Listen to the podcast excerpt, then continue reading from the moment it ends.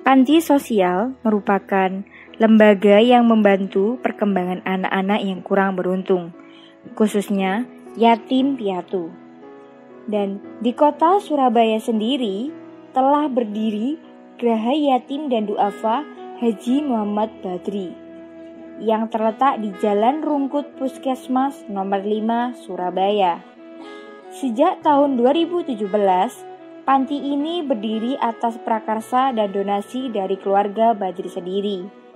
Dan juga menjadi alasan panti ini diberi nama Graha dan Duafa Haji Muhammad Badri. Assalamualaikum warahmatullahi wabarakatuh. Kembali lagi bersama Ruang Jurnal edisi keempat dengan saya Fizia.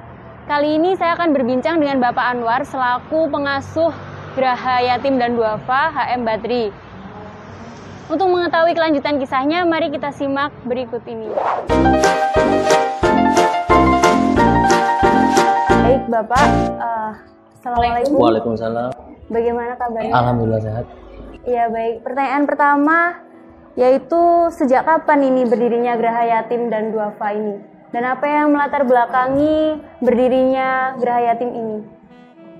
Bismillah uh, Geraha Yatim Duafa HM Badri mulai berdiri di tahun 2017 dan latar belakangnya adalah amanah dari kakek saya sendiri HM Badri kepada anak cucunya untuk mendirikan panti yang intinya untuk mensejahterakan anak yatim dan duafa dan dan biar mereka mendapatkan pendidikan yang layak.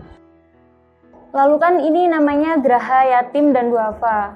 E, berarti kan yang tinggal di sini adalah anak yatim dan duafa. E, berasal dari daerah manakah anak yatim dan duafa tersebut? Mungkin dari daerah sekitar atau daerah lain? Sebagian besar dari daerah sekitar, tapi ada juga beberapa yang dari daerah Jawa Timur. Lalu apa saja kegiatan yang dilakukan para anak yatim dan duafa di sini? Kegiatannya sama dengan anak-anak yang lain.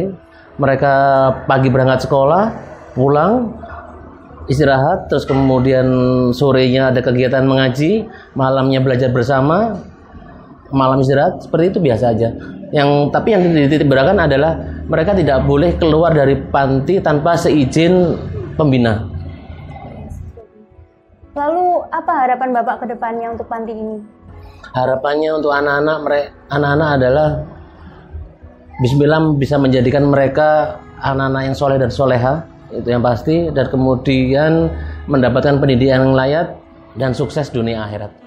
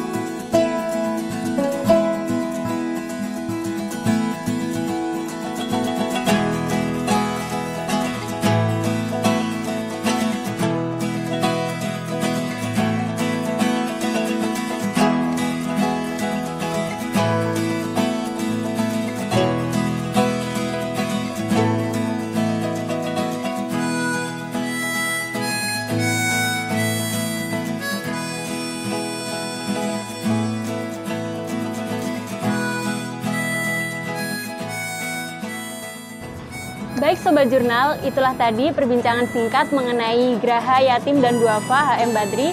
Semoga dapat menginspirasi Anda. Saya Viviana pamit undur diri. Wassalamualaikum warahmatullahi wabarakatuh.